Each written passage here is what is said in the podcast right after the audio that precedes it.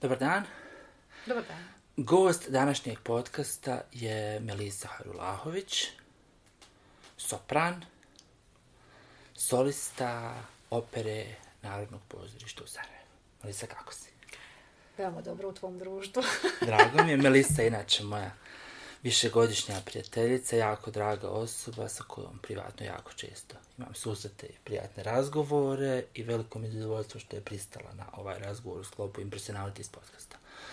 Melisa, za početak reci mi kako je teklo tvoje bavljenje muzikom, odnosno tvoj ulazak u profesiju hmm. kojom se baviš danas? Kako je išao obrazovni put ili uopšte interesovanja? Evo ovako, ja sam od uvijek pjevala. Znači, od, kad, od, od znam za sebe, od malih nogu sam učestvovala na brojnim takmičenjima, u stvari šlagerima za djecu. Ja sam inače rodom Banja Lučanka i tu su bili moji prvi koraci.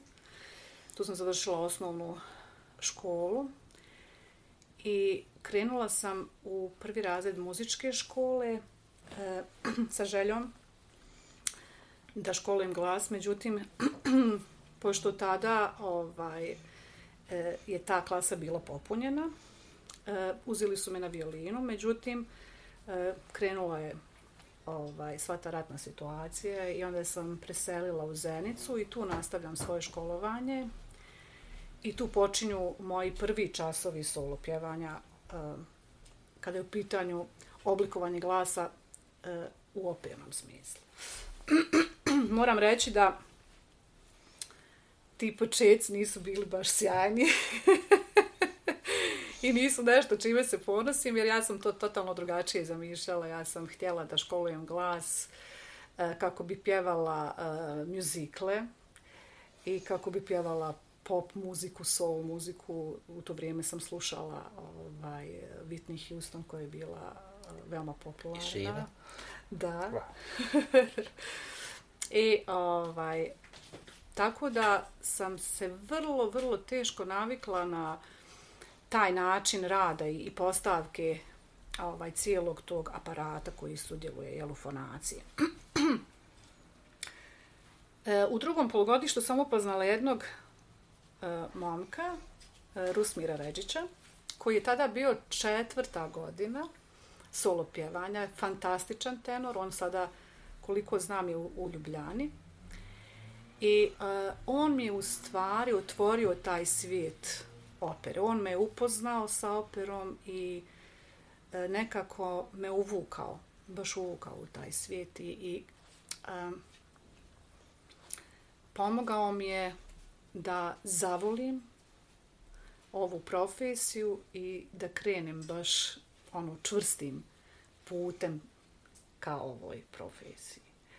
Poslije E, Zenice, na četvrtoj godini, mi se selimo, moja porodica i ja se selimo u Sarajevo i tu završavam četvrti razred srednje muzičke škole i nakon toga upisujem akademiju. E, nakon četvrogodišnjeg obrazovanja na akademiji upisujem postdiplomski studij u Mainzu u Njemačkoj i to je otprilike taj moj put školovanja ali moram reći da, evo, ja se bavim ovim poslom uh, od 2003. A od 2006. sam uh, zaposlena u Narodnom pozorištu. Ovo, ovih par godina prije sam radila honorarno. Da to školovanje nikad nije prestalo i, i da ja i dalje ovaj učim i volim da učim. Volim da istražujem na ovom polju ovaj glasa uopšte i mislim da će to trajati cijeli moj život. Aha. E, reci mi, pomenula si boravak u Njemačkoj. Koliko je taj sistem rada, recimo, bio drugačiji u odnosu na ono što si prijethodno imalo ovdje na prostorima BiH? Pa, e, u suštini, e, to je e, nekako odnos između profesora i studenta je drugačiji to je nekako meni ostalo najupečatljivije. Jel, mi, smo se, mi se možemo snaći i za note i za literaturu iz koje učimo, ali taj odnos e, koji vi imate sa svojim profesorom je nešto što, na što bi ja stavila akcenat. i što bih voljela da se nekako e, moglo e, primijeniti kod nas u to vrijeme dok sam ja studirala. Ova, ja sad ne znam kako, ja vjerujem da je to odmaklo od onoga kako Ne je bilo stranu prije. sad. U nekom smjeru, vjerovatno. Da, da.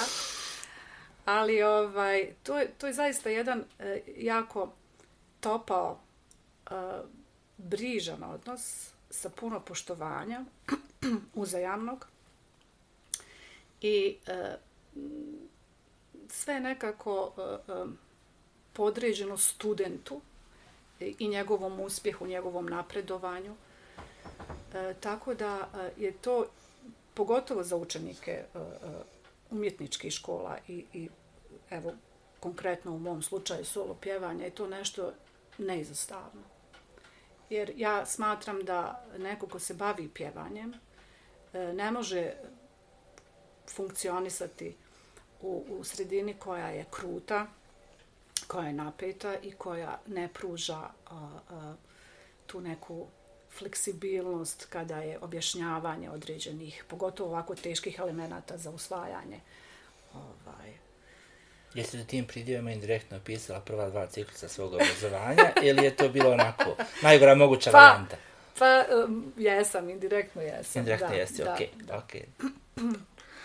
A Reci mi, osim toga što pjevaš operu, o čemu ćemo posebno da govorimo, jesi imala pedagoška iskustva u izravnom Jes. radu sa bilo kakvim vidom polaznika pjevanja na bilo kom nivou? Jesam, jesam, ja to i radim s vremena na vrijeme, ovaj, održavam, održavam priva- privatne časove, tako kako kada mi se jave neki zainteresovani, ovaj, kako bi rekla, ne bi rekla sad studenti, eto rekla bi. Polaznici, recimo, dobro. Polaznicima, da. Ovaj, i, i to me isto ispunjava u jednom ovaj, smislu. Jesi ikad radila u okviru sistema formalnog obrazovanja? Ja sam jednu godinu dana smijenjala jednu prijateljicu koja je tada bila na porodiljskom i predavala sam vokalnu tehniku i moram reći da se divim svim pedagoškim radnicima koji imaju priliku da uče tako ovaj e, srednjoškolce jeli, i, a, koji su zaista meni meni mislim to su divna djeca i sve ali ja se nisam baš nekako našla u tom u tom ovaj trenutku kao neko ko bi se mogao tim baviti. Jel? Ovaj, nisam se vidjela. Ja više volim tu individualnu nastavu i, i tu zaista dajem ma, svoj maksimum. Da, tu imaš onaj sistem dnevnika, priprema, Da, čitav da. sistem papirologije koji prati tu nastavu sleđa, sprijeda, opkoljava i nekako se nastava utopi u to. Da, Vrlo da. često i ja, nažalost, kod nas u muzičkom obrazovanju one tri komponente da imaš talentovano, zainteresovano i vrijedno dijete, vrlo često se ne uklope. Tako da. Da. to može biti obično jedna od tih komponenta nedostaje, ili dijete ispunjava tuđe želje ili je zainteresovano na platonskom nivou. Da, Hoće se je- pojavi na TV-u ili je vrijedno, a nema ni jedno drugo. Ili treće, Yes. tako da u svakom slučaju pretpostavljam da ti to bio priličan šok u odnosu na Jest, jest. Ja kažem, ovaj, zaista o, skidam kapu svim e, profesorima koji se bave tom, kako se to kaže, grupna nastava. Grupna, jel? grupna. Da. Reci mi, kad si prvi put došla u pozorištu, dodir s pozorištem, kakav ti bio osjećaj? Ako ja radim u pozorištu, ja izlazim na binu. Jesi introvertna ili ekstrovertna u tom smislu? Je li ti bila frka? Pa jest mi bilo frka. O, o, moj prvi izlaz je u stvari bio dok sam još bila studentica. Na scene Narodnog pozorišta. Tada je bio projekat e, e, Proljeće u operi i, i dirigent Ognjen Bomoštar me je zvao da sudjeluje mene i još moje dvije kolegice, e, Sana Uređepagić, Rahmetli i Dajanu ovaj, sada Šegvić. Nas tri smo učestvovali u tom projektu i to nam je bila zaista velika čast. Ja tada nisam baš bila a, a, osviještena glumački, ali sam imala jako, jako želju da, da, da budem dio cijele te, ovaj, cijelog tog projekta. I, ovaj, I tada smo moje prijateljice i ja uh, imale čast da radimo sa isto tako pokojnim profesorom Gojkom Bijelcem. Gradili smo glumu. I sjećam se vrlo dobro, nakon tog nastupa uh, imali smo kao informativni sastanak e, tadašnjem Dal Padrinu, e, profesor i nas tri, gdje, gdje, gdje nam je on ovaj, želio ukazati na neke stvari koje trebamo da popravimo i tako to. I znam da je meni rekao, e, u stvari prvo je, prvo je e, komentarisao Sanili nastup, pa Dajanin nastup, a mene, mene uopšte nije komentarisao, a ja nisam imala dovoljno hrabrosti da ga pitam. I onda sam skupljala cijelo vrijeme tih sat vremena dok, dok smo sjedili da, da ga pitam šta misli o mom, mom izvođenju i onda je on rekao, kad sam jel konačno skupila hrabrost, onda je on rekao, ovaj, pa ti, ti si bila interesantna čitavih sedam sekundi na sceni. Divan, to je hladan da, tuš. Hladan tuš ovo. Da, i to, i to ne ti, već tvoje lijevo rame. to je meni bio šok. I moram reći da mi to, to bila zaista jedna prekretnica u mom životu, kada je e, gluma u pitanju na sceni.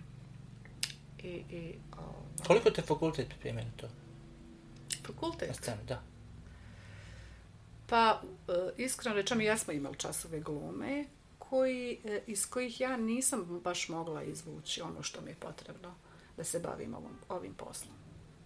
To jedino mogu da kažem. Ovaj, e, mi jesmo e, ra, u stvari mm, sce, iscenirali bi određene arije, tako bi protekao taj čas, ali da se bavimo glumom kako doći do uloge, kako doći do, do tog lika kojeg trebaš da tumačiš, e, nažalost mi nismo imali tu. Ovaj. Tako da je to stvari koje si morala da savladavaš u hodu. Tako je, tako je. Ne, ne, ja, ja, ja sam to savladala sa uh, profesorom Gojkom Bijelcem kasnije tek. Jer on, nažalost, meni, dok sam ja studirala, ni, nisam uh, s njim intenzivno radila, već sam dolazila na časove uh, kod njega van, kad sam završila akademiju. Ovaj. Tako da... O, Šta je bilo nakon tog desnog ramena, ramena? Nakon tog desnog ramena, aha. Ovaj, e onda je krenuo moj zaista intenzivan rad na tom polju. Ovaj, onda sam, on me upoznali sa Stanislavskim, e, profesor Bijelac, ne samo mene, sve moje kolege. I tim principom, načinom stvari razmišljanja, kako smo mi u stvari glumci pjevači i da je naš glas u stvari samo uh, Eh, alat kojim mi uh, trebamo da uh, iskažemo emociju, da što, što bolje donesemo lik koji uh, se od nas traži. Ja. I krenuli, krenula sam tako malim koracima preko prebandinih pjesama. E, e, prvo analizirajući taj tekst, onda e, taj muzički tekst i onda smo ovaj bukvalno takt po takt, frazu po frazu istraživali i dolazili do onog do one istinske poruke koju sa sobom nosi ta, ta pjesma. I tako od pjesama preko arija pa do opera. Šta je dobar pjevač? Danas je jako lako reći da nekog on ili ona dobro pjeva, wow, kako pjeva, slušaj ovaj snimak. Šta je po tvom mišljenju dobar pjevač? Šta su komponente? U bilo kom žanru, znači ne mislim samo da. na žanr klasične muzike koji ti je profesija, nego generalno. Pa dobar pjevač za mene je neko ko uh, sa svojim glasom može zaista da, da, ti, da te dotakne uh, uh, uh, da, da, da, da te dotakne i tom emocijom koju proizvede u trenutku. E, mnogi kažu kao e, kad se proživi ta emocija.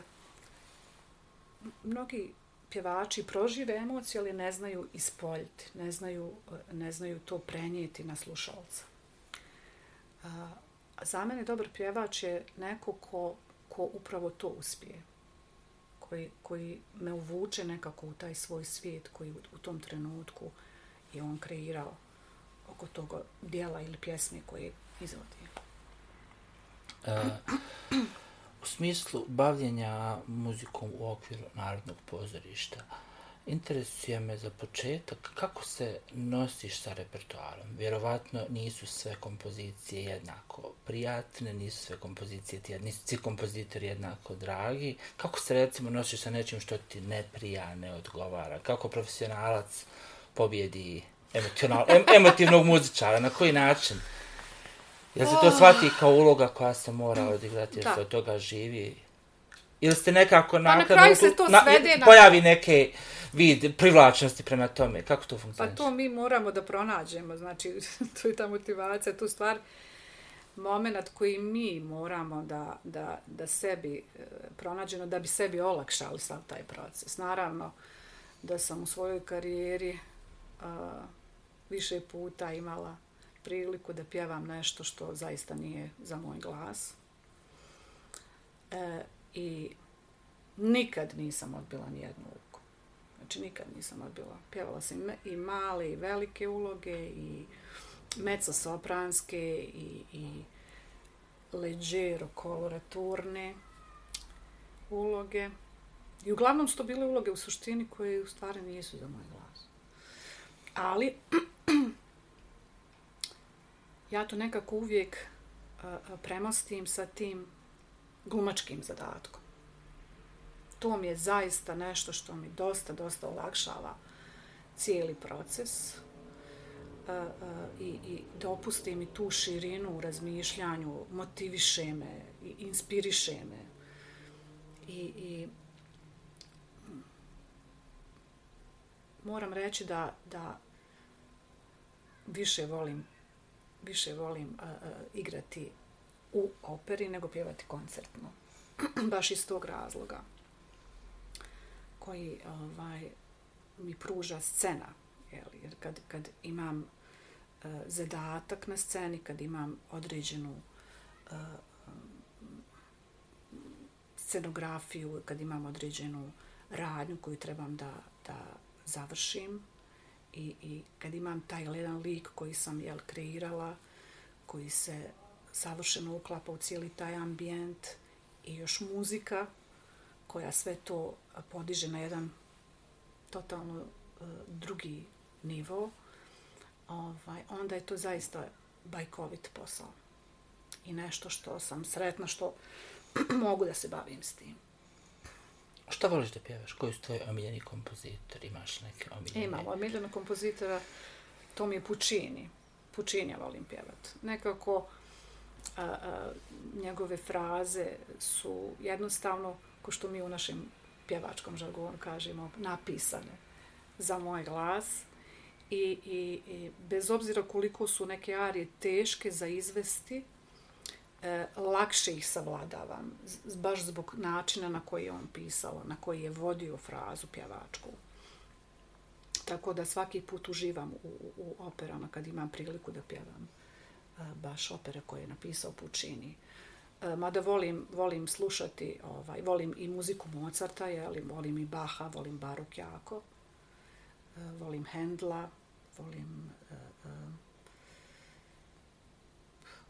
volim zaista dosta, dosta kompozitora. Kako ste osjećanje prema savremenoj muzici? Pod savremenoj mislim na atonalnu muziku, ne mislim na muziku pa 20. vijeka koja je tonalna. Pa se ne pronalazim u toj muzici. Ovaj, jer, e, možda ću zvučati grubo, ali e, meni je muzika nešto što... Je muzika. Što je muzika, da, što oplemenjuje, što te nadahnjuje, što, a, a nekako mi se ova atonalna muzika svela sve na neke zvukove morat ću reći, i ovaj, nema mi frazu, nema, nema mi melodiju za koju se mogu... Ba da, oni su svjesno išli na izbjegavanje svega toga, da, na izbjegavanje da. tonaliteta, na izbjegavanje melodije, na izbjegavanje tonalnog centra, na izbjegavanje normalnih intervalskih kretanja da, koji bi da. vukli ka nekoj ljestvici, nego se išli na kontra. I to je skoro nemoguće za, ljudsko, za ljudski glas da izvede, za ljudsko biće. Ovaj, mislim, govorim sad za naš instrument. Ovaj, jer vi kad svirate na klaviru, klavir će uvijek odsvirati C ili bilo koji drugi ton, ali mi se ipak oslanjamo na svoje uho. Jel? A gdje je priprema e, cijelog instrumenta prije nego što se uopšte izvede ovaj, prvi ton. Ovaj, tako da je to ovaj, meni jako daleko. Jako daleko. Koliko imaš iskustva u pjevanju muzike domaćih autora? Pod domaćim autorima podrazumijemo autore s prostora bivše Jugoslavije, s govornog područja jezika koji razumijemo. Jel misliš na umjetničku Mislim na umjetničku Da, muziku, da, da. da, da. Pa u, u suštini pjevala sam Konjovića i Prebandu i Hacea. E, e, e. I jako volim pjevati domaće komp- Ja ih smatram sve Naravno, to ovaj, je domaćim to. kompozitorima. Ovaj, jako volim jer, jer imaju taj jedan poseban melos. Ovaj, ima, ima taj jedan duh koji koji se zaista ovaj koji je zaista karakterističan baš za ovaj pro- prostor i to je nešto što što zaista treba njegovati ja mislim Ono što me uvijek zanimalo jeste sam proces realizacije jedne, recimo, operske predstave. Kako Znači, kreće? prvi korak je šta, Prvi dobijanje nota, ja, tako je recimo. Prvo- Note dobijete svi pojedinačno odštampane, neko vodi računa o tome, ne dobijete ono, sopran Da, to- kopira, sopran kopira sebi, alt kopira Ne. ne, dobijate svi sve. to za nas odradi jeste Ok. ovaj naš dragi uh, gospodin u arhivi i onda svako od nas te note pokupi, jeli? Da li u paketu s notama dobijate i prevod teksta? Recimo? Pa nekad smo dobijali, međutim u zadnje vrijeme ne dobijamo, ali se mi snađemo, jer uh, Pretpostavljam da je bitan za dramsku radnju koju si spominjala Svakako malo prije, da je da jako jeste. bitno da sam znaš da o čemu znaš pjevaš, da. pjevaš, šta govoriš u određenim A da ne budeš ovaj, vesela u momentu sahrane ili nešto ovako, Tako je. pretpostavljam da... Ili da kažeš mrzim te, a smiješ se. Sa srce. da. Ovaj, da, e, znači kad uzmemo ovaj notni materijal, onda krene iščitavanje tog teksta, prevođenje tog teksta. Jel to radite u okviru proba ili radite Ne, to sami sad sa radimo svako ovaj individualno. I svako sad uči svoj taj part.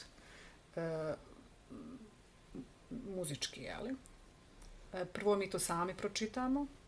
E, I onda krenu e, probe s korepetitorom individualno i svako od nas Koliko je bitan korepetitor generalno u Pa, životu jednog je solo pjevača? Jako I je kao bitan. ličnost i kao svirač, pretpostavljam. Tako je. E, mi eh, na svu sreću imamo eh, veoma, veoma dobru korepetitorku, Aj- e, Aidu Mušanović-Arsić, koja je zaista fantastična i um, zaista nam puno, puno pomaže prilikom savladavanja tog notnog teksta i stilski, a i nekada čak i tehnički. Jer uvijek je dobro imati nekog takvog sposobnog ko zna čuti, u stvari koji čuje e, neke stvari koje mi u tom određenom trenutku ovaj nismo svjesni. I kada nam ukaže e, na te neke pojedinosti, da mi možemo na vrijeme reagovati i ispraviti. Kada je, govorim, kada je tehnika u, u, u pitanju vezana za intonaciju i tako to. Onda krenu e, probe ansambla. Izvini, probe sa korepetitorom imate individualnu terminima koje dogovorite. Svaki Tako, solista ima svako probu sa korepetitorom. ima probu s A korepetitorom. uporedo se dok dešavaju probe hora, svoje. vjerovatno, jeli? O, Da, da. ostatka na nekom drugom To- mjestu, u neko drugo vrijeme. Tako je, tako je. Hor e, ima svoje probe sa šefom hora u svojoj jel, prostoriji. Mi imamo svoje korepeticije, u stvari prostorije u kojima to ovaj, savladavamo. I e, nakon tih naših individualnih proba, kada mi sami e, naučimo svoje uloge sa korepetitorom, onda krenu probe ansambla, ovaj, e, znači numera gdje pjevamo duete, recitative, zajedničke ansamble, tercete, kvartete, jel, sekstete. To su ne tačke gdje se srećete sa ostalim dijelovima zajedno. ansambla. Svi za... Tako je, Dobro. tako je. I to se sve završi prije e, proba e, sa režiserom. E, mi, nažalost, nemamo sreću e, da imamo e, dirigenta s kojim bi e, uradili veliki dio posla e, prije tih e, režijskih proba. I obično to radimo u toku režijskih proba, jer većina tih dirigenata koje, e, koje, s kojima mi surađujemo su ljudi koji dođu e, iz drugih dijelova Evrope. Jel? Šta podrazumijevaju te režijske probe? Te režijske probe podrazumijevaju jeli, postavku tog a, muzičkog jel, scenskog dijela, postavku režije, u okviru ovaj, koje, kojim je zamislio jel, režiser. Scene se rade po dogovoru, isto po planu koji dostavi režiser. I sve je to individualno, jeli, zavisi sve od, od režisera do režisera i način rada i plan rada i, i, i svaki taj detalj zavisi dosta, dosta od toga kako je e, sve to režiser zamislio. Ali načelno nikad niko na bini nije bez određene funkcije uloge. Niko ko je trenutno na bini tako je. ne zna, nije u situaciji nije. da ne zna šta treba da radi. Svi znaju šta treba da radi. Tako je, tako je. Svi, svi, čak i ona, recimo, najmanja uloga, uh, ima svoje mjesto i vrijeme i razlog zbog čega je tu. Uh, nekad čak i, i ljudi sa strane koji su statisti, ovaj, koji nemaju, koji nisu zaposleni kod nas, ovaj, budu unajmljeni da bi u određenom trenutku ispunili neki određeni ovaj, dramski zadatak. Jel? Kako izgleda sradnja s režiserima? Pretpostavljam da ima različitih karaktera, da. različitih da, ličnosti. Vjerojatno se mora naći zajednički jezik jer vas vrijeme tjera da do određenog momenta premijere ili izvođenja morate završiti svoje. Mhm. Pa evo, u, u, u mojoj dosadašnjoj ovaj, karijeri imala sam priliku da radim zaista sa raznim režiserima. Um, koji su o, zaista, neki su dolazili spremni, neki su dolazili nespremni e, e u smislu što podrazumijemo po spremno, spremnošću. E, kada režisir dođe na taj prvi sastanak, kada smo svi tu i kada se razgovara o dijelu, e, tu se odmah vidi da li je neko došao sa e, već pripremljenim planom i vizijom tog dijela, ovaj, kako će on izgledati u konačnici dešavalo se isto tako da dođu neki režiseri koji su spremni na ne, malo drugačiji način e, da onako uopšteno ispričaju o dijelu kako su ga zamislili i da se to dijelo ovaj počine počne kreirati u toku rada na samom tom jel ovaj dijelu. Je to kasno? Pa, po tvom mišljenju? Po mom mišljenju jeste, ali mi smo uspjevali. Završimo mi taj cijeli proces i uvijek to rezultira, jel, e, premijerom. Ali sam proces je dosta e, stresniji i, i teži za nas izvođače. Ovaj, kada su e, e, osobe koje trebaju da te vode e, neodlučne i onda iz dana u dan se mijenjaju i te scene i ti odnosi između uh, vas i partnera, okolnosti, tako da, da zna biti dosta zbunjujuće. Da ste mnogo babica i kilava djeca, vjerovatno. Da, da. Obično neko preozbi inicijativu u jednom smjeru, pa sa nekom to ne dopada. Pretpostavljam pa da, da to tako da, izgleda. Pa onda, e, pogotovo pred, pred kraj samih proba, pred premijeru, onih zadnjih, recimo, sedam dana, kad smo svi onako nervozni, a, baš zna biti i nezgodnih scena i nije to baš neka ovaj tema za ono. Naravno, naravno. za plasirati, ali uh, uh, bude bude svašta.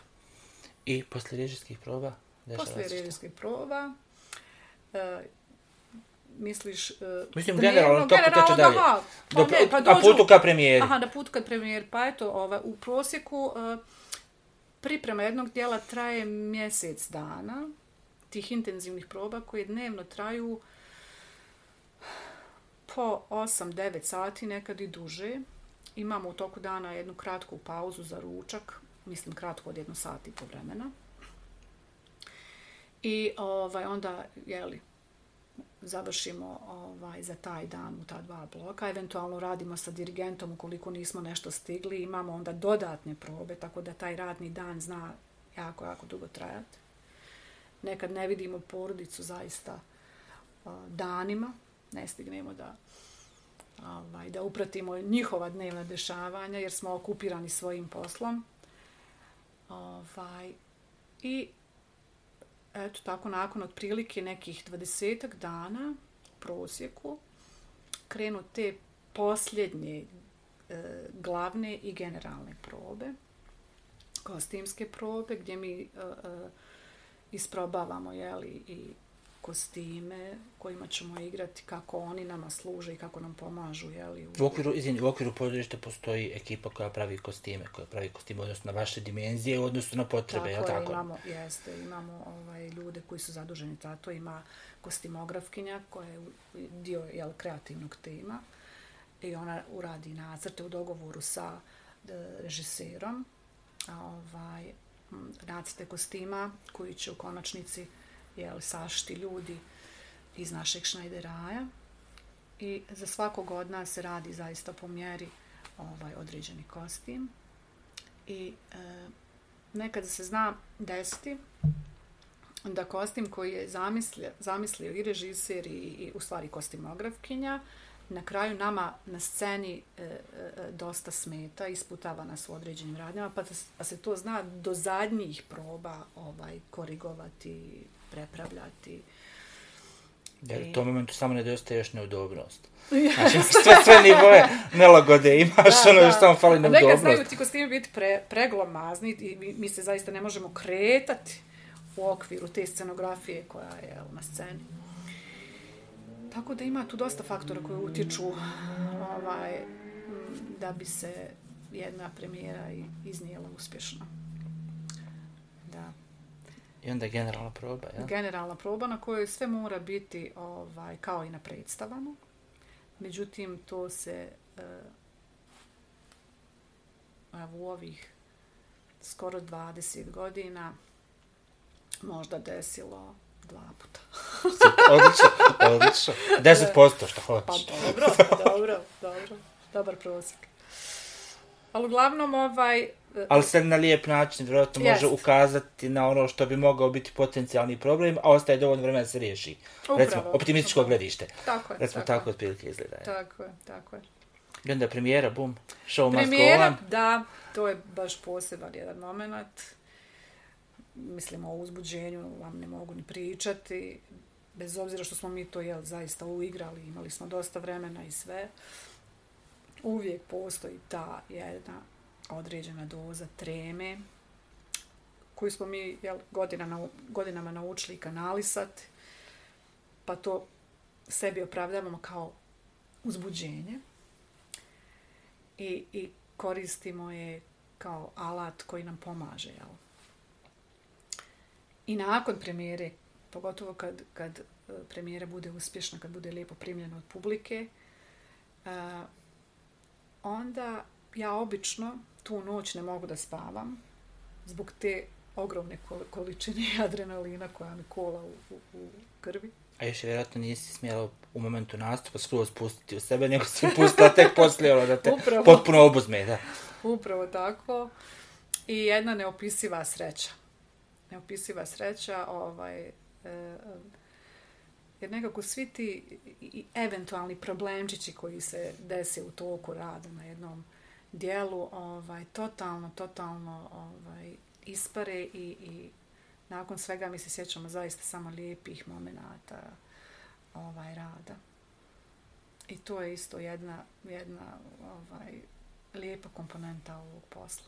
Možeš li opisati backstage tokom jedne predstave? Kako funkcioniše? To ste leti na sve strane. Pretpostavljam ako su ko s time malo složeniji. Vjerojatno ima neka osoba koja koriguje kad ko izlazi, vjerojatno neka druga ima, koja je histerična. Ima, to je da, pretpostavljam da ima više komponenti tu koje da, usmjeravaju. Da, za sve te ovaj, momente uh, naših ulazaka, izlazaka, da sve to štima kao pod konac, uh, se pobrine naš dragi Gordan Simić.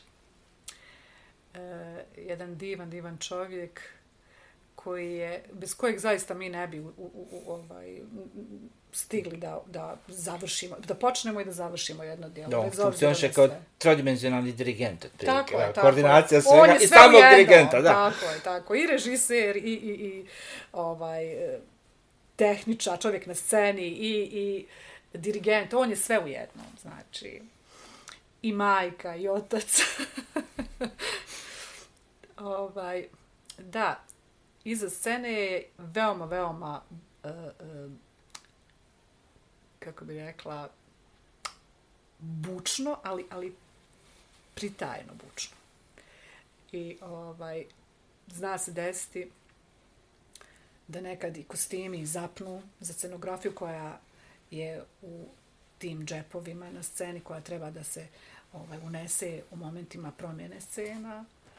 Pa onda hoće li se poderat, neće li se poderat. pa onda imamo momente isto tako kada ne možemo da nađemo rekvizitu koja nam je potrebna u određenom trenutku pred naš izlaz za scenu. Zato uvijek moramo provjeriti prije početka predstave da li je sve ono što nam služi u predstavi na tom stolu za rekvizitu. Moramo to provjeriti. I ovaj tako da ima ima dosta stvari ovaj na koje čovjek mora paziti kada je u Pretpostavljam da ima raznih komičnih situacija iz, iz backstage-a i generalno iz samog izlaska na stage. Reci mi, koliko je teško pjevati pod šminkom, pod svjetlom? Koliko se to odražava na sposobnost reprodukovanja u datom? Pa, meni lično šminka, uh, uh, kao šminka ne smeta. Meni najviše smeta u stvari ta prašina, meni kao pjevaču, koju udišem prilikom izvođenja. A koja je neminovna, preko Jeste, puta su živi ljudi, ovo je drvo, vjerovatno u osnovi. Tako je, imate one uh, uh, kulise na sceni, onda imate one ogromne zavise koji su tu, jeli, godinama. I isto tako kad imamo neki kostim koji, uh, čiji je dio ona perka mm -hmm. oko vrata, to je nešto što je meni zaista zagočavalo život kad sam igrala u jednoj produkciji Boema, u stvari u prvoj produkciji Boema u kojoj sam pjevala Mizetu. Imala sam taj crveni perati omotač oko vrata i jedna perka mi je prilikom udaha za frazu uletila u usta. Ja ne znam kako sam ja to uspjela izvesti. Sekundicu sam zakasnila sa početkom, ovaj, ali znam da mi je bilo zaista, zaista kritično ovaj, da li ću uopšte izdržati frazu, pa da mogu na miru uzeti dah i da pročistim grlo između fraze do fraze. Tako da, ovaj, ima, mislim, ima raznih situacija. Obično je nama pjevačima taj moment najteži suhoća zraka i ta prašina na sceni. To. Koliko je bitno povjerenje u osobu sa kojom recimo radiš duet na bini? Pa jako je bitno imati dobrog partnera na sceni.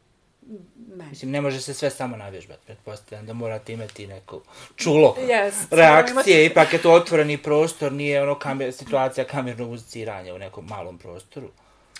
Da, ovaj, e, jako je bitna cijela atmosfera na, tokom rada na, na jednom dijelu.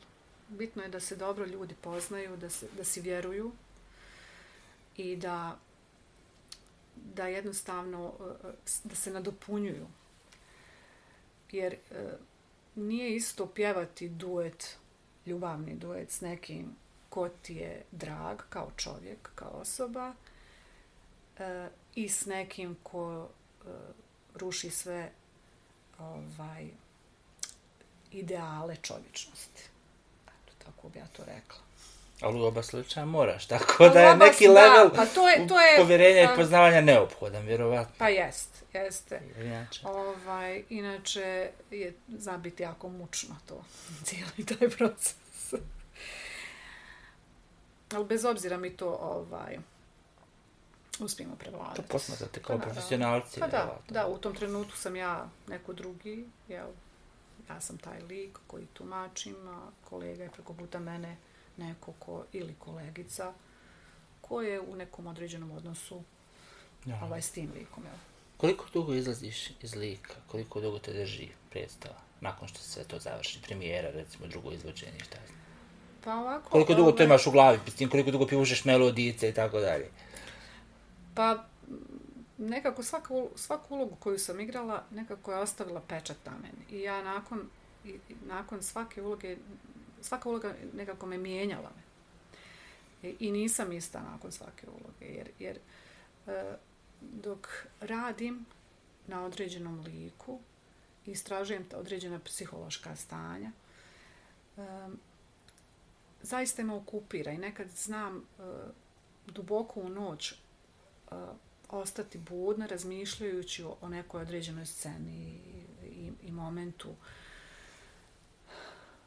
koji sam taj dan jel, postavila režijski sa režiserom i pronalazim najbolja moguća rješenja, razmišljam da li će to biti odobreno od strane režisera, jer ne bude svaka sugestija prihvaćena. Ovaj, mislim da da trebam u stvari da, da da još dugo, dugo razmišljam nakon, nakon određenog lika, dugo još razmišljam o, o, o samoj, pogotovo ako je neka e, tragična uloga. Ovaj, razmišljam o, o psihologiji, o, o, o sudbini, jel? A da li se lako riješiš tog lika kad uzmeš narednu ulogu? Ili ti stoji u pa podsvijesti? Da, da jer, jer to je u, u, u suštini bitan je fokus, jel? I, i, Jeste, nego odrežeš, obrišeš kao prošlosti. Tako je, tako da. je. Okay. Jesi li ikad imala priliku da istu ulogu radiš u dvije različite produkcije? Sa recimo različitim režiserom, sa različitom ekipom. Mm -hmm. Pa jesam, to je bila uh, uloga Mizete, Mizete u operi La Boheme. Uh, prvi put sam je radila sa uh, režiserom Rahmetli uh, Sulejmanom Kupusovićem.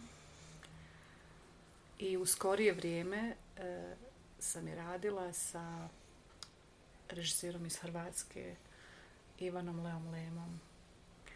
I to su ovaj, totalno dvije različite produkcije, različita predstavljanja tog dijela.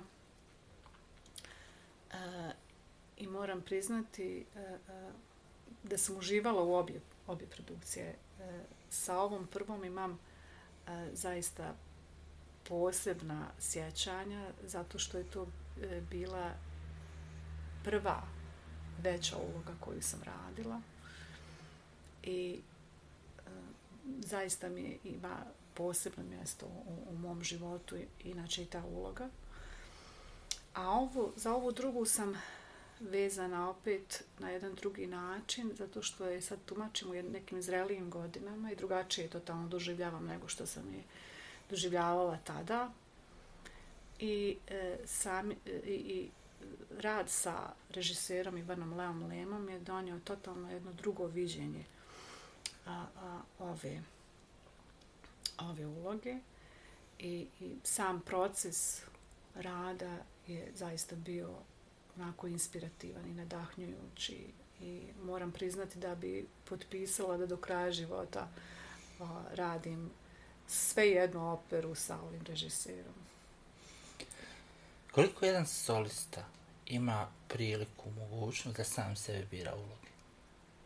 Mislim, imaš ugovor, radno vrijeme, obaveze koje neki viši nivo menadžmenta vjerojatno preuzima za određeni mjesec i vama samo dostavlja kao gotova rješenja. Koliko tome možeš nešto da odabereš?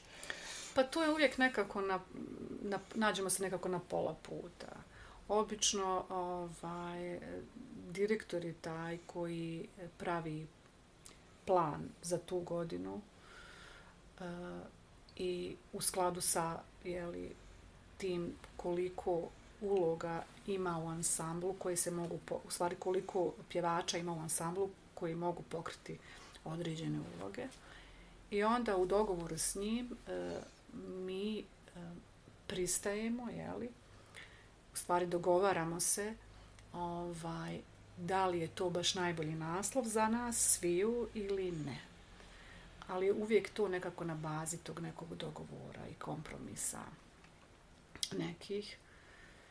E, uglavnom, kažem, nađemo se nekako na pola puta, ovaj, nekad pravimo neke kompromise koje možemo ja napraviti. Nekad je krivodav, nekad, nekad je autoput. Jeste, Maja. nekad da, yes. da ali, ali uvijek nađemo neko ovaj, najbolje rješenje za svi u nas. Ako ne igraš na maternim jeziku, na kom jeziku najviše voliš da igraš? Uh, najviše volim na talijanskom, jer je to ipak jezik jezik opere. Ne znam da govoriš njemački i engleski, da, da. zato te pitam.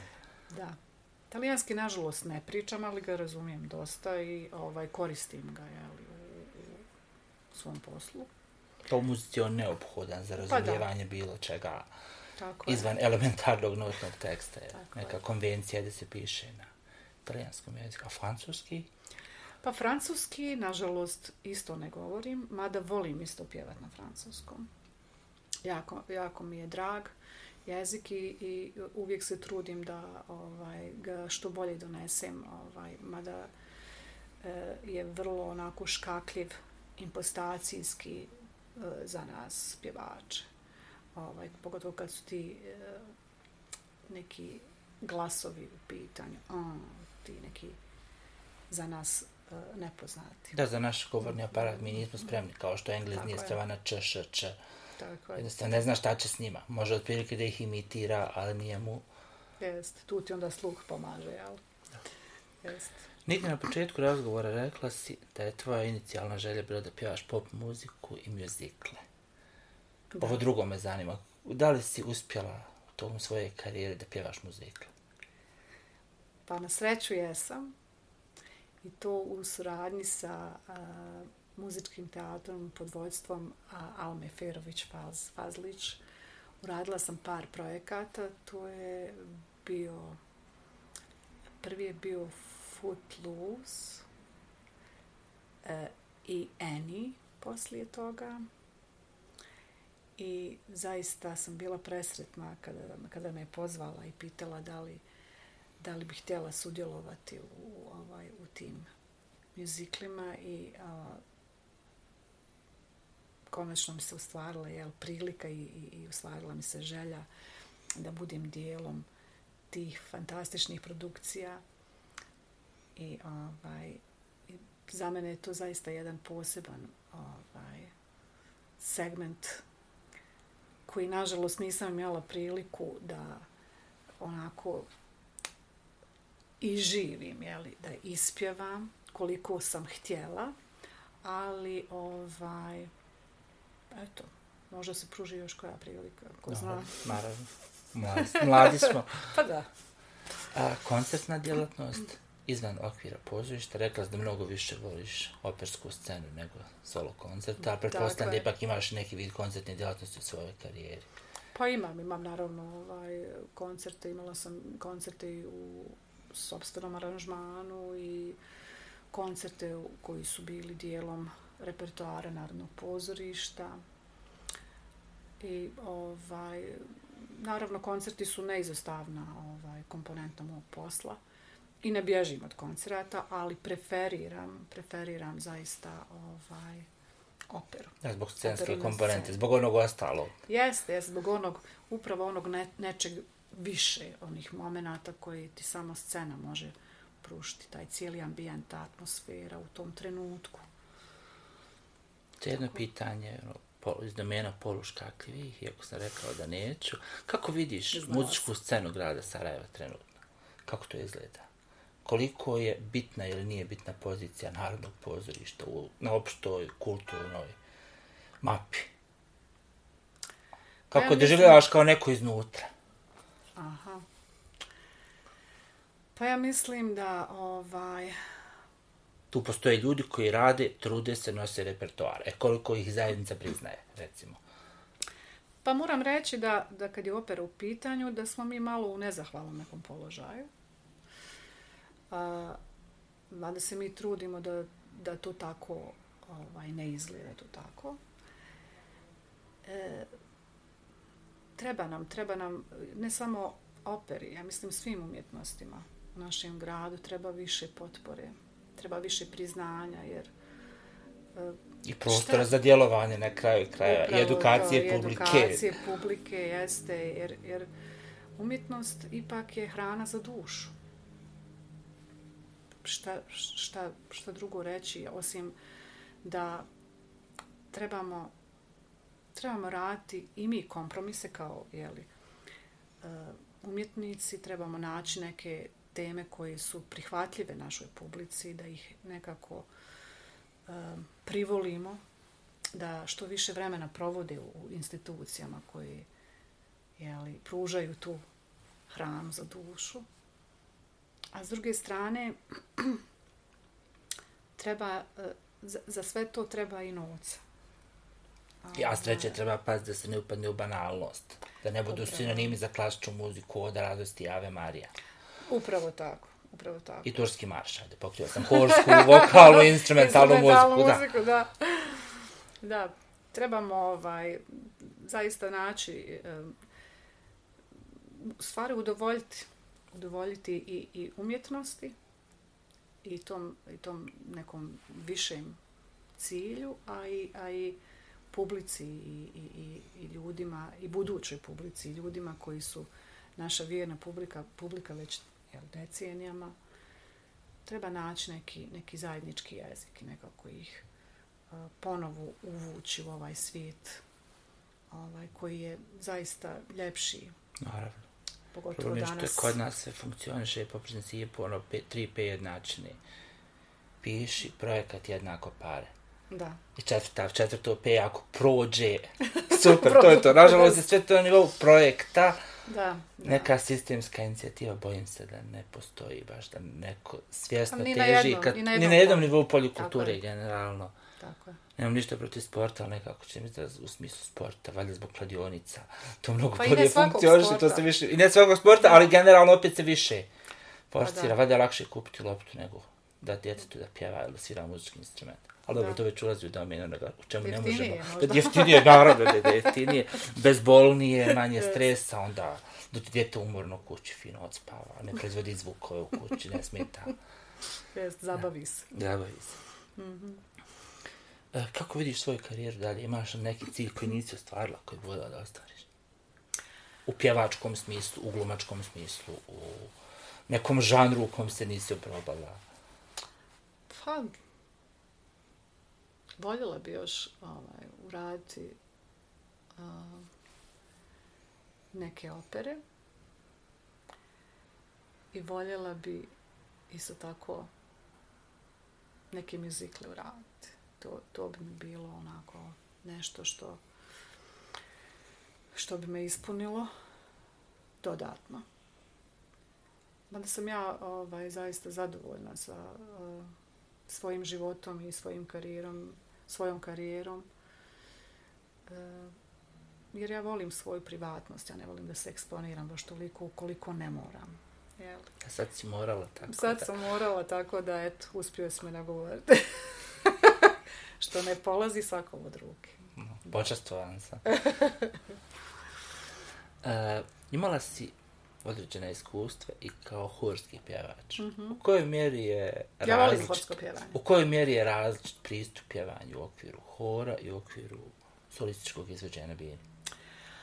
Pa razlikuje se bitno u tome što e, prvo u odgovornosti. Recimo, kad si solista, kad soliraš, sva odgovornost je tu samo na tebi. Od onog svjetla koje te gađa, pa do, do, do, je, do fizički je centar. Ce- Jest. Dok kad pjevaš u horu, ta odgovornost je podijeljena. I nekako je lakše izvoditi, ja kažem sad to sve iz ličnog iskustva, meni je lakše jel, izvoditi ovaj, dijela u horu. Ja. E, teže je u tom smislu što e, ja kao školovan pjevač moram dosta da, em, sad ću reći, korišći za prigušim jeli, svoj, svoj glas, to je stvar, ne dajem puni kapacitet svog glasa kada pjevam u horu, iz razloga što e, hor kao cijelina mora imati jednaku boju. Znači, to je jako bitno kod pjevanja u horu i to je ono što nama e, solo pjevačima koji smo školovani kao takvi ovaj otežava stvar. Ali ovaj ima toliko, toliko kompozicija, pogotovo sakralne muzike, e, a meni e, najdraže pravoslavne ovaj, duhovne muzike, koja su zaista, kad ih čujete, toliko e, e,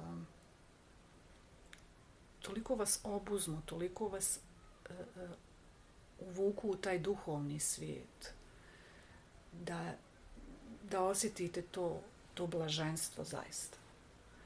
I, I ja jako volim holsko pjevanje. Nisam nikad bježala od, od toga. Ovaj, bitno je samo da u svakom trenutku znaš šta radiš. Govorim kao pjevač, govorim, mislim na tehniku tada, o, sada. Ovaj, znaš šta radiš, kako koristiš svoj instrument i ovaj, kako ga vodiš i mislim da se niko ne bi trebao libiti ovaj, tog zadovoljstva da isproba i različite žanrove muzike i da uživa uopšte u muzici. Ovaj, samo zato što je jel, školovani operni pjevač. Tako da preporučujem svima koji se bave pjevanjem, opernim pjevanjem, da si daju priliku da se isprobaju na drugim jel, poljima pjevanja. Da. Čak i u kolektivnom pjevanju kao što je horsko. Upravo, upravo. Čak što više. Prijatna da. stvar. Da. Jesi li ikad probala glumu bez pjevanja? Glumu bez pjevanja? Da, jesi ikad imala neku priliku? Nikad nisam, nažalost, imala. Imala sam sad priliku da, ovaj, u stvari, u Any Musiclu i u, u, u, u ovoj sad opereti Mala Flora Mi, imala sam priliku da imam par scena koji su samo glumačke. Odnosno govorne. Da, govorne, da. Ovaj, I to mi je bio veliki izazov. Jer ja sam, jel, istrenirana da glumački potkrijepim pjevanu frazu. Jel. I u tome mi muzika dosta pomaže jer je u muzici sve ispisano. I svaka ta nota, svaka fraza podcrtava jel, emociju kroz koju lik prolazi u određenom trenutku. Dok u glumi, dok samo jel, kad glumite, imate tu riječ, rečenicu i imate to vrijeme. I kontekst. I kontekst, da. I ja na početku e, nisam znala šta ću sa, sa toliko vremena na raspolaganju. Ali vremenom, jel, čovjek kad krene iščitavati taj tekst, kad se krene jel, pripremati i, i za, za tu ulogu, ovaj, e, jednostavno uđe u taj neki ritam. Taj neki malo drugačiji ritam nego na onaj koji sam ja navikla, jel, koji je muzici određen. Još pitanje za kraj. Umjetnica mora biti zdrava. Pretpostavljam da je to jako bitna komponenta, jer Jeste. tebi je jedan vrlo, kompletna egzistencija zavisi jednog vrlo osjetljivog aparata. Da. Kao što je grlo Tako je. i njegova posljedica glasa. Da, vrlo osjetljivo. Pa ovaj... Na koji način uspjevaš da održiš zdravlje? Na koji način se saniraš ukoliko se desi pa nastojim, da prije nečega moraš da... Da, pa nastojim da jedem zdravo. Nastojim da jedem ono, eh, hranu koju ja sama spremim. Jako volim kuhat. Uh, I moja mana što volim jako začinjenu hranu a to baš i nije preporučljivo kada si operni pjevač. Mislim, kada si pjevač uopšte, jer to dosta iritira dušnik i, i ždrijel uopšte. Ovaj, I dosta, dosta vode, dosta fizičke aktivnosti, šetnje. Ja nisam neki sportski tip, nažalost.